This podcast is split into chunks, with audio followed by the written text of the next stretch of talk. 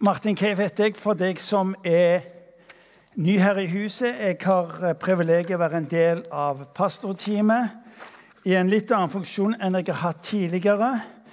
Men eh, det er ikke sikkert det betyr så veldig stor forskjell. Kjekt å se dere. og bare noen få ord fordi jeg har hatt gleden av å ha hatt permisjon denne høsten og har vært litt på reise. Eh, det betyr at jeg eh, har vært, om ikke akkurat fraværende Noen sier du trenger ikke reise vekk for å være fraværende. Men jeg har vært på reisefot. Og det betyr at jeg har eh, rett og slett hatt et fokus av Gud, hva vil du med resten av mitt liv? Det er ikke sikkert det er så dumt å stille det spørsmålet. Gud, hva? Hva vil du med resten av mitt liv? Altså for Hvis jeg tror på en Gud, så kan jeg jo ikke plassere han på et vis i en type skap eller ei hylle, og så lever jeg mitt eget liv som jeg sjøl vil. Hvis det skal være mening i å tro på Gud. Enten så er han Gud, eller så er han ikke Gud. Enten så tror jeg på han, eller så kan jeg la være å tro på han. Er dere enige med meg? Så det kan ikke være slik at allmaktens Gud er sånn Du henter han fram når det måtte passe, og så pusser du litt støv av han, og så eh, hører du litt på hva han har å si, og hvis det passer inn, så Nei. Så jeg har vært vekke i seks måneder, og spørsmålet mitt har vært Gud, hva gjør du nå? Fordi jeg tror at Gud har altså, som skaper av alle ting, også har et forhold til mitt liv. Tenk den tanken! Allmaktens Gud har et forhold til ditt liv. Og Forstår det? Nei, det, det får jeg ikke inn. Men jeg kan forholde meg til det. Og det er OK. For jeg har gjennom de år jeg har fått lov til å være en Jesus-etterfølger, så har jeg erfart en Gud som ikke bare er langt der ute i et eller annet sånn type sfære, men han er en Gud som har kommet nær. Gjennom disse mer enn 50 år som jeg har fått lov til å være en Jesus-etterfølger, så er min erfaring at Gud er ingen teoretisk størrelse plassert i et religiøst eh, sfære, men han er en Gud som har kommet nær, og som er interessert i mitt liv. Og i ditt. Så derfor reiste jeg vekk denne høsten for å si Gud, hva? Hva ligger på ditt hjerte nå denne høsten? Det er spennende. Tenk tanken. Gud bryr seg om deg og om meg. Og Det har vært en tid hvor det har vært mye stille. Jeg har uh, isolert meg. Jeg, jeg, er introvert, ser du. Og Det betyr at uh, jeg kan være sammen med en haug med mennesker og jeg bare melder meg ut. Bare spør kona mi. Hun sier Martin, du kan ikke gjøre det. Men nå hadde jeg tillatelse til det, for denne høsten hadde jeg permisjon. Så da gjorde jeg det. Lot skjegget gro, gikk rundt med caps og, og, overså absolutt alt og alle. Ja. Så var jeg på et sted, og så Retreatsted, som det heter på fint. vet du, var, Så var det mye norske der. Og så, så, gikk jeg der med skjegget vet du, og, og capsen. Og, og, så jeg kom bort til Unnskyld, sa men, men, men er, det, er, det, er det cave? Ja, sa jeg. Det er det. Så gikk jeg.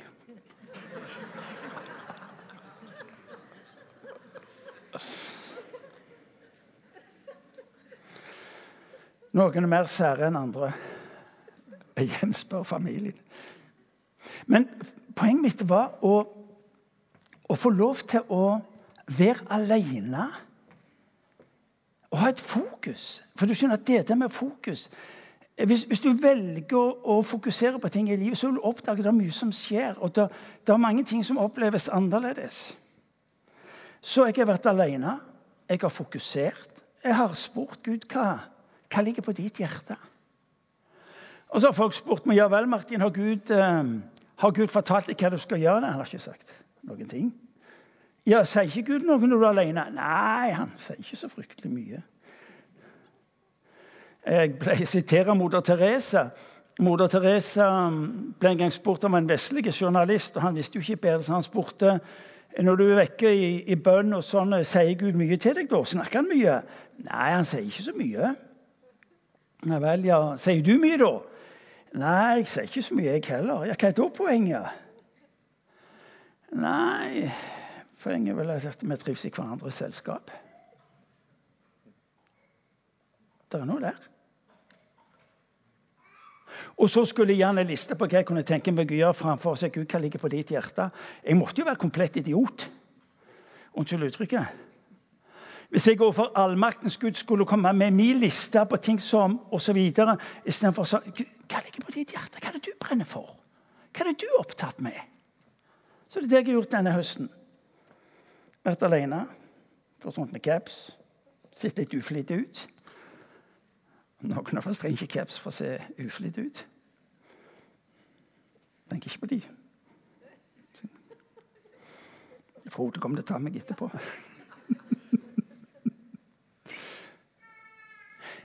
Men det å få lov til å vite at det, det er ingen sånn type premisser eller retningslinjer eller Men det å få lov til å være sammen med Han som har skapt deg, frelst deg, for at du skal få lov til å bety en forskjell i verden denne høsten, har gjort det med meg at jeg tror de mest spennende årene ligger foran meg. Jeg er ikke blitt mer enn 67 år. Det er jo ingenting, det Det er de av dere som nærmer dere. Ja, du har blitt pensjonist, skal du Nei, pensjonist, jeg. Ja, ja, har du ikke sluttet? Nei, jeg har ikke slutta i jobben. Altså, i, i, i, Guds familie så slutter du ikke, du får bare en annen funksjon. Og det er deg som er gjest der. så er det andre som har tatt over den daglige ledelsen av Imi kirke. Og jeg får lov til å gjøre nesten hva jeg vil. Jeg må bare avklare med de som bestemmer her. Og det går greit. Ja, så Det var altså litt om det som har vært min høst den høsten, og det har vært utrolig spennende. Og nå tenker jeg nå blir det gøy. Så jeg har avklart med ledende pastor i huset at det, det, det, kan, det, kan, bli mye nå. Vil du ta ansvaret for det? Ja, sa han. Men jeg tar ansvar, så det går bra. Så Ellingsen er forberedt. OK? Ja. dåp.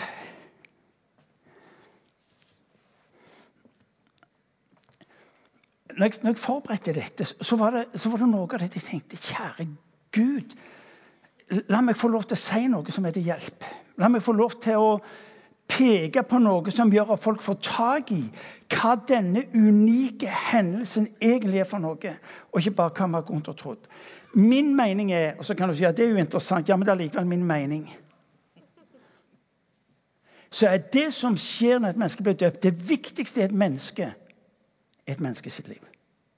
Jeg kunne si viktigere enn å bli født.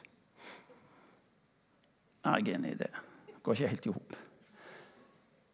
Men hvis du får tak i, så blir altså dåpen det viktigste i et menneskes liv. Når vi, ser, når vi får lov til å se hvordan Edvard, Olias, Josefine og Ester så tenker vi navn, vi tenker vann, og vi tenker det er vakkert.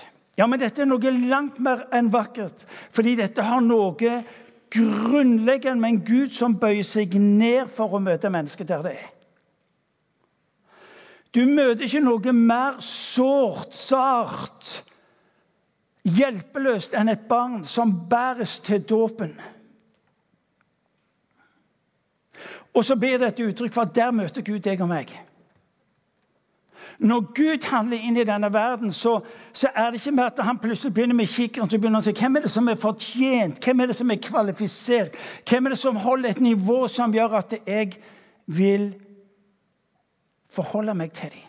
Han starter i en demonstrasjon med de hjelpeløse. Med de minste. Og der du og meg kanskje har gjort snakken om troen på en Jesus til et spørsmål om å forstå, så går Gud forbi dette i dåpen. For spørsmålet for han er ikke hvor mye du forstår, men vil du ta imot? Dåp er ikke primært å forstå. Dåp er å bli tatt imot. Ja, det er totalt forskjellige ting, det.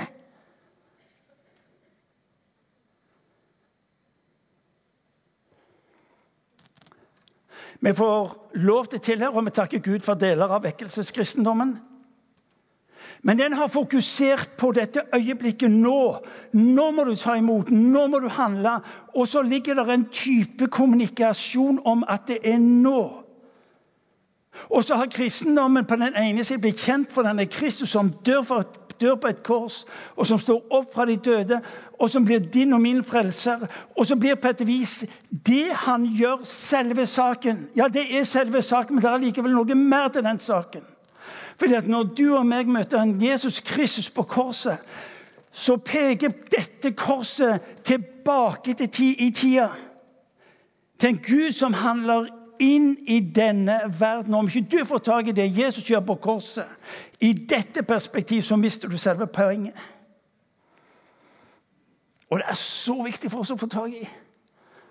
Og jeg tenker, kjære Gud, hvordan kan jeg få lov til å si det på en måte? Jeg tenker, Nå har jeg det. Guds godhet møter meg der jeg er. Disse ungene som dere så, de har ikke levert noen som ting som helst. Tvert imot.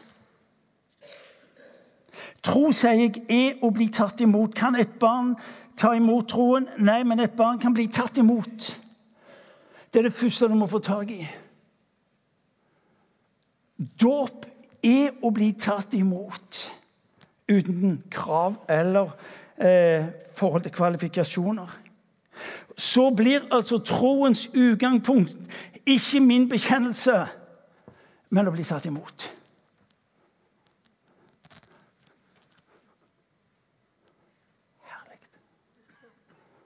Så handler altså det ikke om meg, men det handler om han. Det handler om han.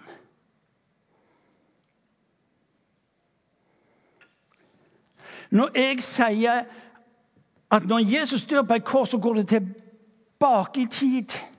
Så går det tilbake til et løfte som en gang ble gitt, og som du leser om i begynnelsen av Bibelen hvor det fortelles om en Gud som stiger ned og som sier til en Abraham Abraham, jeg oppretter en pakt mellom menneske og Gud.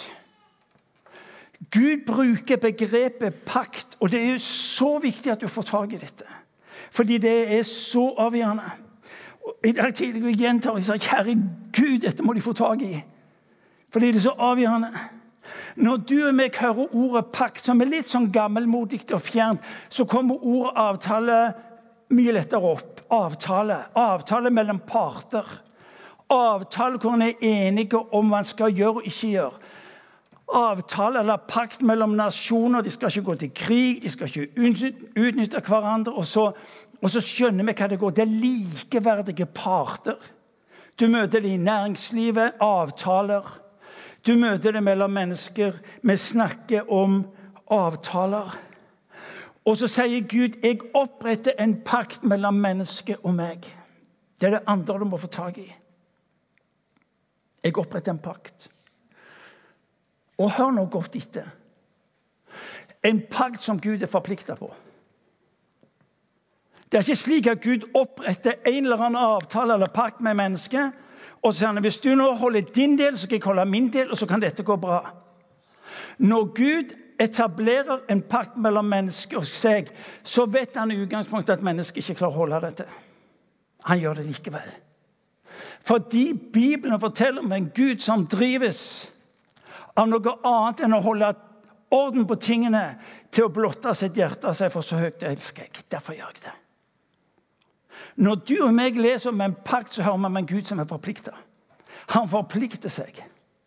Og Det betyr at du og vi skal altså få lov til å forholde oss til en Gud som har sagt, og som lover, og som er bundet av sine egne ord. Det er egentlig dramatisk at et menneske som til tider omtales som støv, som makk, som maur, skal påberope seg en sånn en Gud, jeg holder deg ansvarlig for hva du har sagt. Der ligger pakten. Paktens enorme kraft og paktens enorme innhold. Gud er forplikta. Og selv om mennesker bryter pakten gang på gang Denne Bibelen er egentlig et vitnesbyrd i første del om et folk som ga blaffen i Gud. Om et folk som igjen og igjen vendte han ryggen. Som igjen og igjen sier 'vi bryr oss ikke'. Og så lyder det fra Guds hjerte til et folk gjennom profeten Hoseas. Hvordan kan jeg oppgi deg, Efraim? Hvordan kan jeg oppgi deg, Israel? Hjertet vender seg i meg, all min medlidenhet våkner. Jeg vil ikke følge min brennende vrede og ødelegge Efraim, for jeg er Gud, ikke et menneske, hellig midt iblant dere. Når Gud etablerer en pakt mellom mennesket og seg sjøl, så er det et uttrykk for 'jeg elsker'. Og for at du i din skrøpelighet skal vite, når din bekjennelse ikke lenger holder mål, når du velger å vende meg ryggen, og du står der borte et hjørne så du har malt deg inn i, og du tenker 'Hva skal jeg nå gjøre for noe?' Så er det en Gud som sier 'vend om'. Vend om er blitt knytta til begrep som synd, og på den ene sida det sant, men på den andre sida betyr 'vend om' det betyr 'snu deg'. Du skal slippe å stå i det hjørnet som du har malt deg inn i. Omvending betyr å snu deg rundt og se meg, og du vil oppdage at jeg har ikke forandra mening. Når du og jeg har med en Gud som elsker, så vil du oppdage at vi, har, vi tror på en Gud som ikke har forandra mening om oss. Gjennom 50 år har jeg fått lov til å være denne Jesus etterfølgeren. Det er dette som gjør det sterkeste inntrykk på meg. Han, han, han har ikke forandra mening om meg. For en Gud. Og så er det altså når Jesus dør på korset, så er det nettopp for å gjenopprette forbindelseslinja mellom den pakten og det hjørnet hvor mennesker har plassert seg i. Dåpen har sitt motstykke eller et forbilde i Gamle testamentet. Det vi kaller for omskjærelsen. Hvorfor på denne måten? Jeg synes Det høres litt blodig og litt sånn krevende ut. Jeg vet ikke hvorfor, men det er ikke så viktig. Det er ikke så farlig. Men i første Mosebok kapittel 17 så leser vi om hvordan, hvordan Gud sier jeg har oppretta en pakt. Og denne pakten, den har et uttrykk. Og så sier han, 'Og jeg vil være deres Gud'. Dette er pakten. Dere skal holde pakten mellom meg og dere og etterkommerne. Alt av hannkjønn hos dere skal omskjæres. Altså, Der ligger et type synlig uttrykk for at den pakten jeg har valgt å inngå med dere, den kommer til uttrykk gjennom et synlig uttrykk. Og Det betydde at ethvert guttebarn i Israel etter åtte dager ble omskåret. Og den gutten ville vite hver dag av sitt liv så vil han vite at det er etablert en pakt. Det er etablert en pakt mellom Gud den allmektige og meg. Og uansett hvordan jeg velger å turnere livet mitt, så velger han å opprettholde pakten.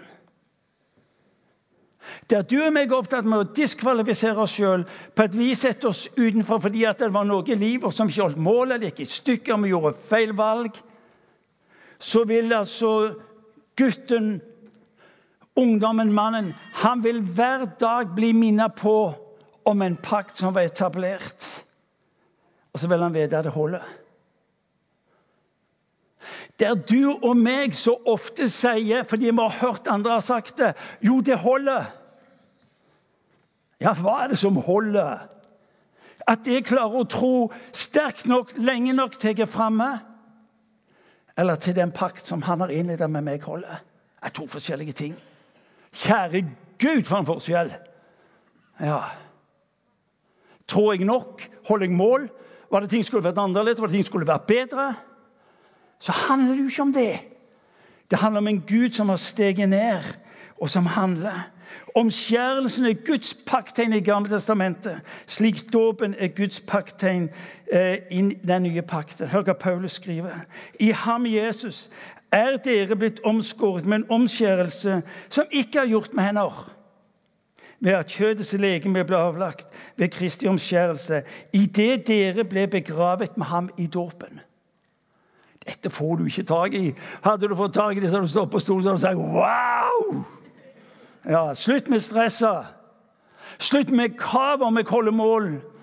Slutt med alt det som skulle Nei. En gang til.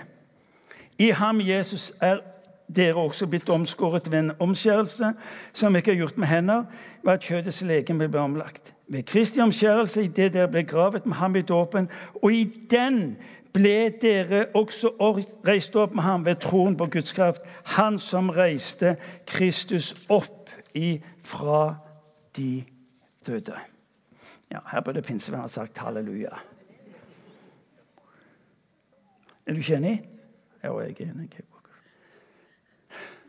Hvorfor ble plutselig dåpen så viktig for oss da? Hvorfor må dåpen være noe langt mer enn at du bare sånn å ja, dette var, ja, I dag var det jo ekstra sært, for i dag var det jo Ester som gikk i vannet. Eller disse to. Dåpen har på et vis blitt plassert i denne sånn type uttrykket for religiøst liv. Inni sånn type liturgisk ramme. Hør nå, Dåpen er noe langt mer. Hvorfor er dåpen så viktig? Og Her skal du få noen få stikkord. Det er en påminnelse om hvem som handler. Når du ser dåp, så tenker du her er det Gud som handler. Her er det Gud som griper inn. Jeg har sagt den er litt fluss av en unge. Den skjønner ingenting. Men det er Gud handler. Og kanskje sitter du her i salen og tenker du det gjorde Gud med meg for mange år siden. Det var Gud som handla. Pakten som han etablerer med meg gjennom dåpen, den har ikke gått ut på dato.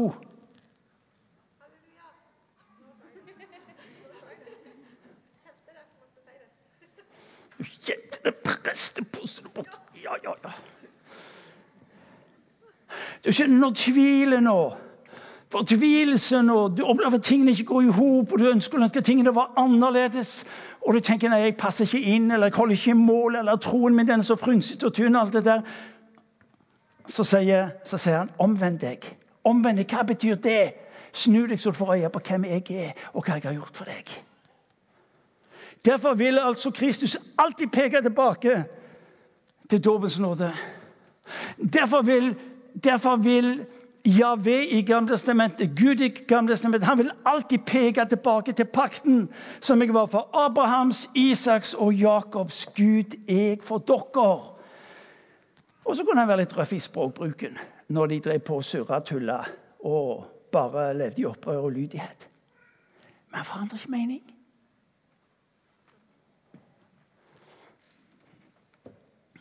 Hvorfor er dåpen så viktig? For det er en påminnelse om hvem som handler.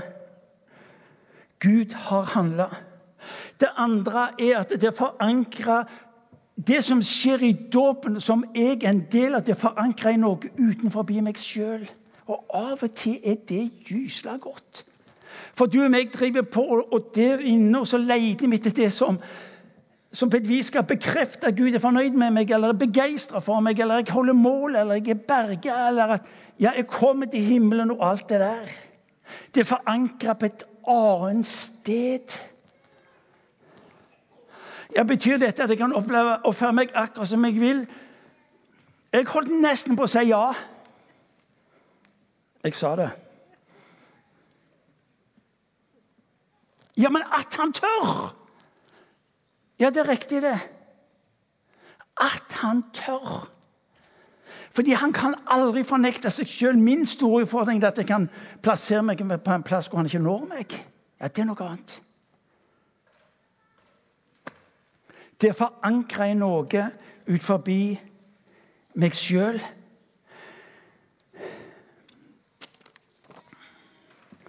Dåpsattest. Tufte. Edvard Olias Tufte. Andre tiende Nei. 13. i første, det var dåpsdatoen. Nei, det var fødselsdatoen. 13. i første 2019. Vet dere hva dere må gjøre? Dere må ramme den inn. Og så må dere henge på veggen. Og hver dag når du ser den, så tenker du ja! Dere som foreldre vet at om vi ikke får det helt til, så vet dere. Jeg henger på veggen. Gud har handla med guttungen. Jeg kan være bekymra, og til tider er det viktig å være bekymra, for det gjør noe med måten vi opptrer på. Men jeg skal slippe å være bekymra for noe som Gud har tatt ansvar for. Det er to forskjellige ting. Og når du vokser til, og du ser dåpsattesten som henger der Vet du hvorfor? Hvorfor mor og far hengt opp dåpsattesten i, i gangen? Jo, det er fordi at hver dag skal bli minnet på at her henger han. Så jeg skal vite hva som er viktig i livet mitt. Så jeg forstår hva som er jeg nesten sagt, posisjonene. Det er derfor vi tenner lys. Hvorfor tenner vi lys? Jo, det er fordi at du hvert år skal tenne lyset for dine unger, slik at de vet Vet du hva? Det skjedde noe en dag i ditt liv. Derfor tenner vi det. Og når de er nedbrent, så fusker du litt, så får du tak i et annet lys. Og så fortsetter du å brenne. For det, Hvis det er sant det jeg sier, at dåpsdagen er den viktigste dagen i ditt liv, så er det den viktigste dagen i ditt liv. Fordi den har nemlig med evigheten å gjøre. Derfor er det så viktig at du meg ikke mister. Pakten sier hvem han vil være i ditt liv, og løftene som er knytta til den. Når han gir deg og meg sin pakt, så gir han deg og meg samtidig sitt ord. Så sier han her kan du lese om hvem jeg er i ditt liv, og hvem jeg vil være i ditt liv. Når du hører om løfter som er så usannsynlige det neppe kan være sant, så er det sant. Det er bare du ser dem fra ditt sted istedenfor å se dem fra hans ståsted. Derfor er dåpen så viktig. Fordi dåpen tar ikke utgangspunkt i dagsformen, men hvem han er. Når du er i krise og nederlag, der står en utrolig sterk beretning i Nehemia, en av disse gamle bøkene i, i, i Gamle testamentet. Folket hadde rota det til for seg. De hadde vendt Gud ryggen. Og det var bare elendigheten i livet deres. Og så er det Nehemia som husker pakten. Han husker hva som lå i løftet i pakten. Og så står han der for Gud, og så ber han. Og hør hva han ber. Hør! Jeg bekjenner synden som vi israelitter har gjort mot deg.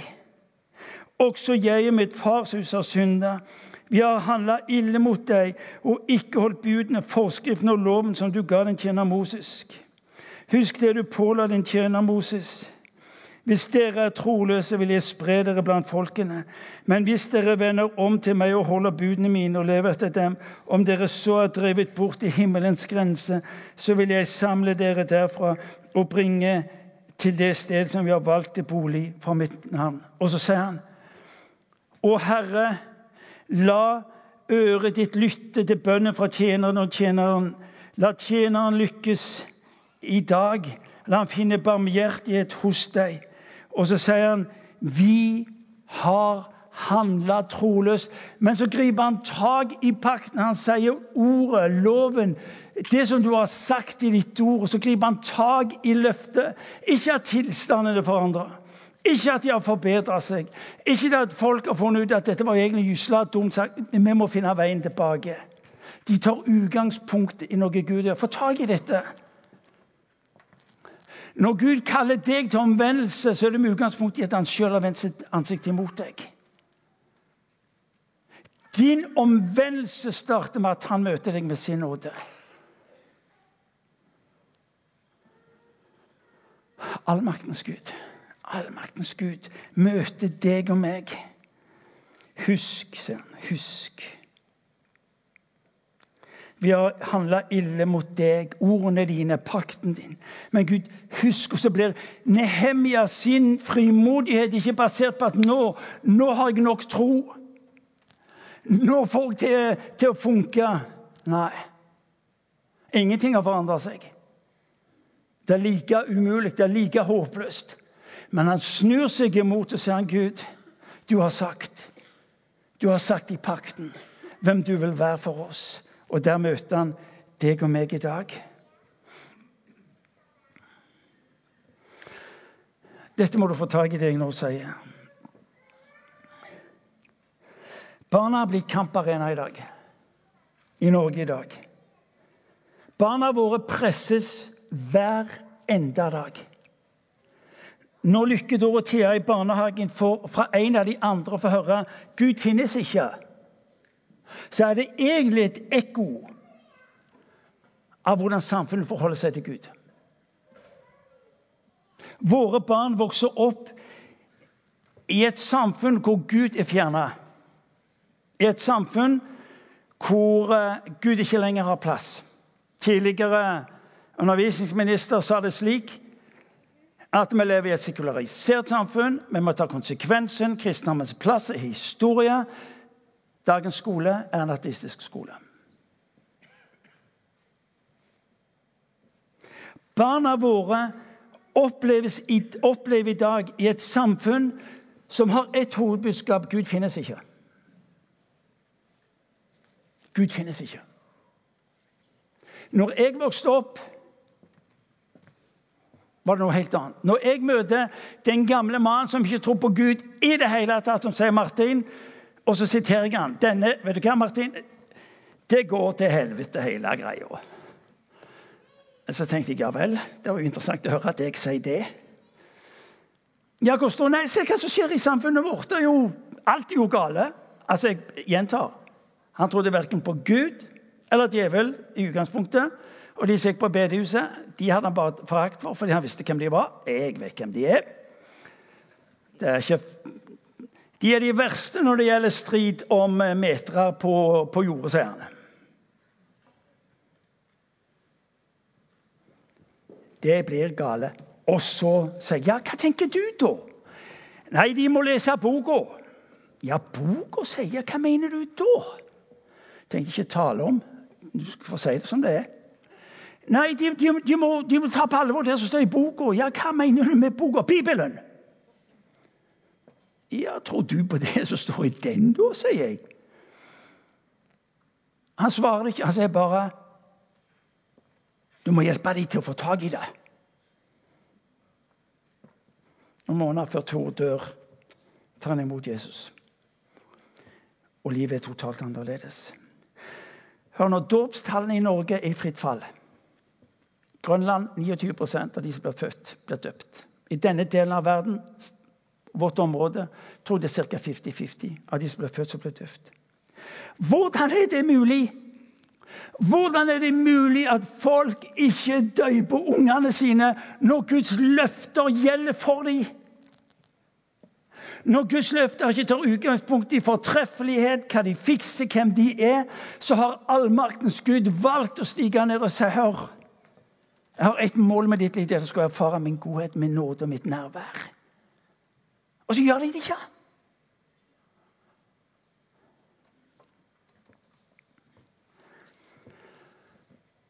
Foreldre og faddere som er her nå på disse ungene. Men dere andre som er foreldre og faddere, eller som kjenner unger Hør nå. Dere er knytta privilegier og plikter til denne dagen. For et privilegium dere foreldre og faddere har når dere kan få lov til å være med og lufte barnet fram fordi de skal berøres av Guds nåde og få løfte på sitt liv, og det skal bli gjentatt over livet. etter hva Gud er for deg? For et privilegium! men også en forpliktelse. Fordi dere er kalt til å være forbilder. Dere er kalt til å være forløpere for troen. Fordi at dåpen knyttes nemlig til nettopp etterfølgelse av Han som har sagt 'Jeg går foran deg'. Jeg går foran deg. Til dere foreldre enda mer tydelig. Det er ikke alle dere foreldre som forstår alvor her, tror jeg. Hvordan jeg vet jo, jeg ser hvordan noen av dere prioriterer. Det er en kamp om ditt barn. En ideologisk kamp. Som har gått over mange år. Derfor har det vært viktig for oss i IMI å legge forholdene til rette, slik at ungene dine får det beste av det de trenger for å fortsette å vokse som en Jesus-etterfølger. Gudstjenesten. Et fenomenalt arbeid gjengene som vi har for ungene, hvor de gjennom uka kan få lov til å være sammen med andre og, og oppmuntre hverandre og vokse i troen. Ungdomsarbeidere, join. KF-skolen. Hvorfor KF-skolen? Jo, fordi vi tror når, når skolen er gjort til et asteistisk område, er det viktig for oss at alternativ Gud så kan vi ber for de kristne lærerne i den offentlige skolen. Samtidig skal vi gi eh, ungene våre et alternativ. Foreldre, hør nå kan jeg få lov til å utfordre dere. Det å definere familielivet ut ifra hva som er best for ungene. Hør, foreldre, dere kjører, dere, dere kjører som galne på ulike aktiviteter. Snakk om taxikjøring. Men det er et faktum at mange av dere er for ustabile på huset. Og ungene vil se på dere som foreldre, som er faddere, som er voksne, på hva som er viktig i livet deres. Og hvis dere har et uregelmessig forhold til å søke Han i gudstjenesten eller der hvor Guds folk samles, så vil ungene konkludere med at det er ikke så viktig. Det er ikke så nøye med det. Hvis du på dødelig skal gå på skia, så gjør du om lørdagen da. Det er litt samme skifører. Omtrent likt.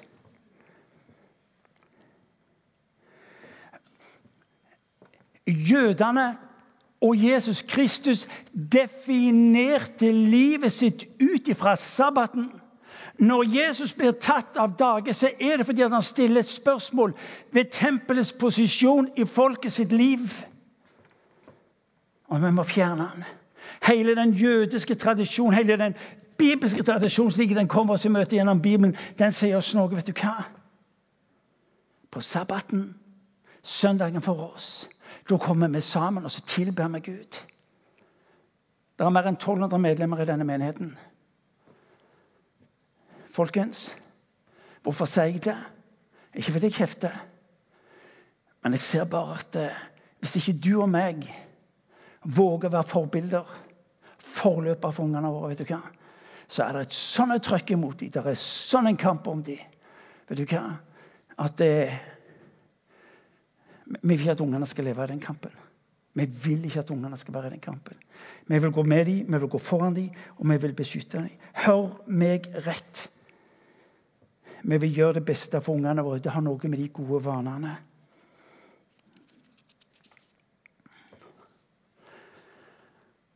Her kommer vi. Ingen aldersgrense i Guds rike. Hvor mange av dere har lest den boka? Jeg har i hvert fall fått den. Ja. Kan du reise deg? Ja. Så må du snu deg andre veien. Ann Ingel har skrevet denne boka. Takk skal du ha. Vi har sett nok.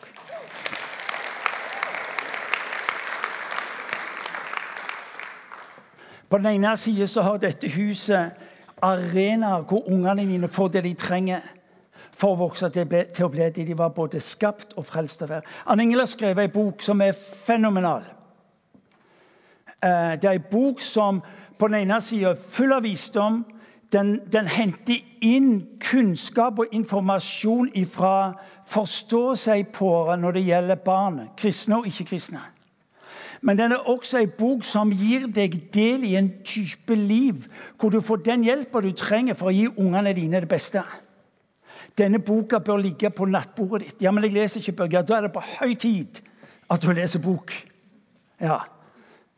Da er det på høy tid at du leser boka. Ja, men jeg er ikke skolelærer. Jeg leser én side om gangen, da. Det er ikke mer enn 280 sider. Det er ett år, så har du kommet gjennom den. Ja, les den. Fordi at Når du leser denne boka, da skjønner du også viktigheten av at ungene dine får tak i det huset representerer. Modellene, og forbildet som du skal få lov til å være for dem. Og Når du har lest den, så skal du gjøre den videre til naboen eller hvem det måtte være. Vet du hva? Det ligger på meg. For jeg vil ikke at ungene våre skal ta en kamp hvor de blir stående alene. Det skal ikke være sånn, folkens. Det skal ikke være sånn. Det er rått parti, det. Det skal ikke være sånn. Les den. Du får en ekstra pris, spesialpris heter det. Ann Ingel signerer den. Verdien stiger med en gang. Ja. Har du barn? Er du fadder? Er du tante eller onkel til barn? Så sørg for å få den. Og så les den. Fordi denne boka jeg mener den er unik. Fordi den sammenholder ikke et tradisjonelt barnearbeid, men et barnearbeid som eh, gir foreldre det de trenger for å gi ungene det absolutt beste. Her kommer vi. Det er en generasjon som sier til deg og meg her kommer vi. La oss stå sammen med dem i denne vandringen. Jeg skal begynne å slutte. Ja. Dåp er også et profetisk tegn.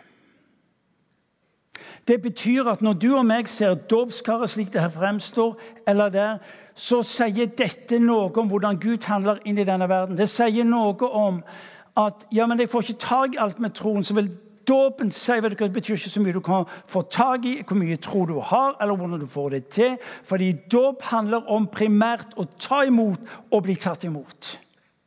Så blir altså dåpen et uttrykk for en Gud som handler inn i det som enda ikke er på plass. Det handler om en Gud som har steget nær.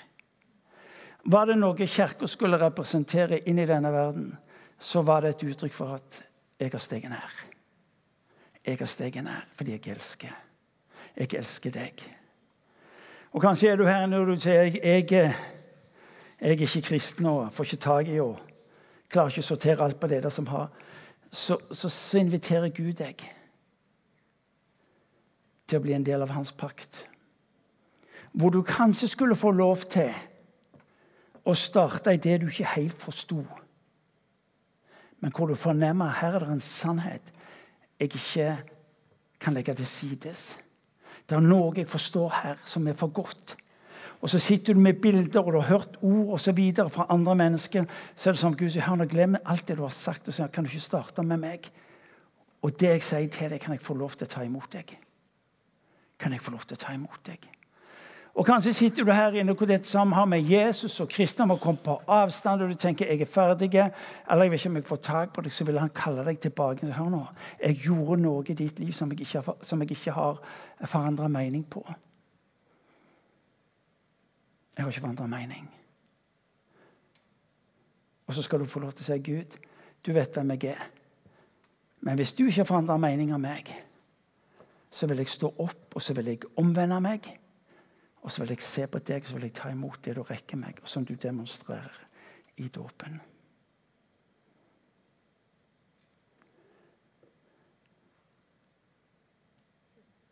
Amen. Amen. La oss be.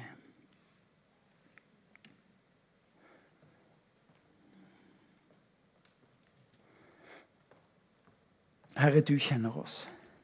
Takk fordi du demonstrerer så så rikt din kjærlighet til oss alle.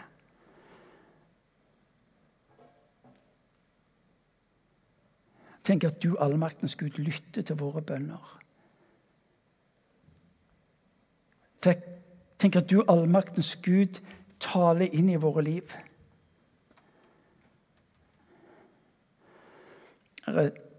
Tenk at du, allmaktens Gud, bøyer deg ned for å ta imot det som var så totalt uforma og tydelig. Herre, vi takker deg for mysteriet som du lar oss få del i når vi ser barn bæres til dåpen. Jeg ber for foreldre her inne. Jeg ber for fattere her inne. Far, jeg ber du skal legge på hjertet deres en, en lidenskap, Herre Jesus en pasjon om å Ingen pris er for stor i å gjøre nettopp dette som har snakket om, denne formelen til sentrum.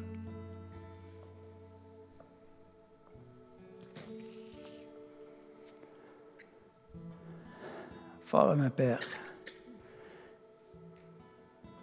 Jeg ber om at du skal legge på oss Jesus, dette veldige, dette egentlig helt unikt at du allmakten skulle lengte etter å forløse og fullføre i den enkeltes liv. Det du har skapt dem til å være. Det du har frelst dem til å være. Det du har utrusta dem med til å være. For jeg ber du skal legge ned i våre liv, voksne, denne lidenskapen til å se barna få det beste. For hvis du har betalt en sånn en pris for de her, så ber vi om å få lov til å være et folk som ikke regner i kroner eller timer. Fordi du har demonstrert Herre, jeg takker deg. Jeg priser ditt navn. Far, jeg takker deg for de små her i huset. Ungdommene her i huset. Som fikk lov til å starte med deg.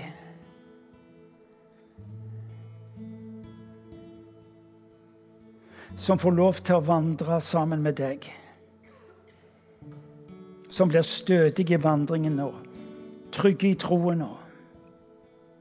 Lære deg å kjenne som en Gud som er god.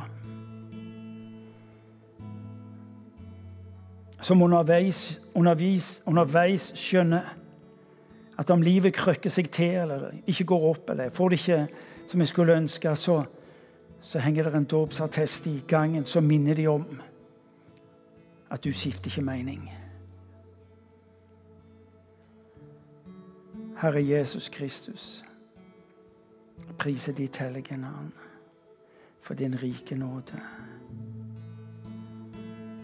Å, far, vi ber. Far, vi ber om å få lov til å se trenden i folket vårt snu. Og stadig færre døper, Herre. Nå ber vi far om at sende en trend snu fordi de skjønte hva dåp var. At dåp dypest sett er en Gud som er kommet nær for å elske. Far, vi ber, vi takker i ditt navn. Amen.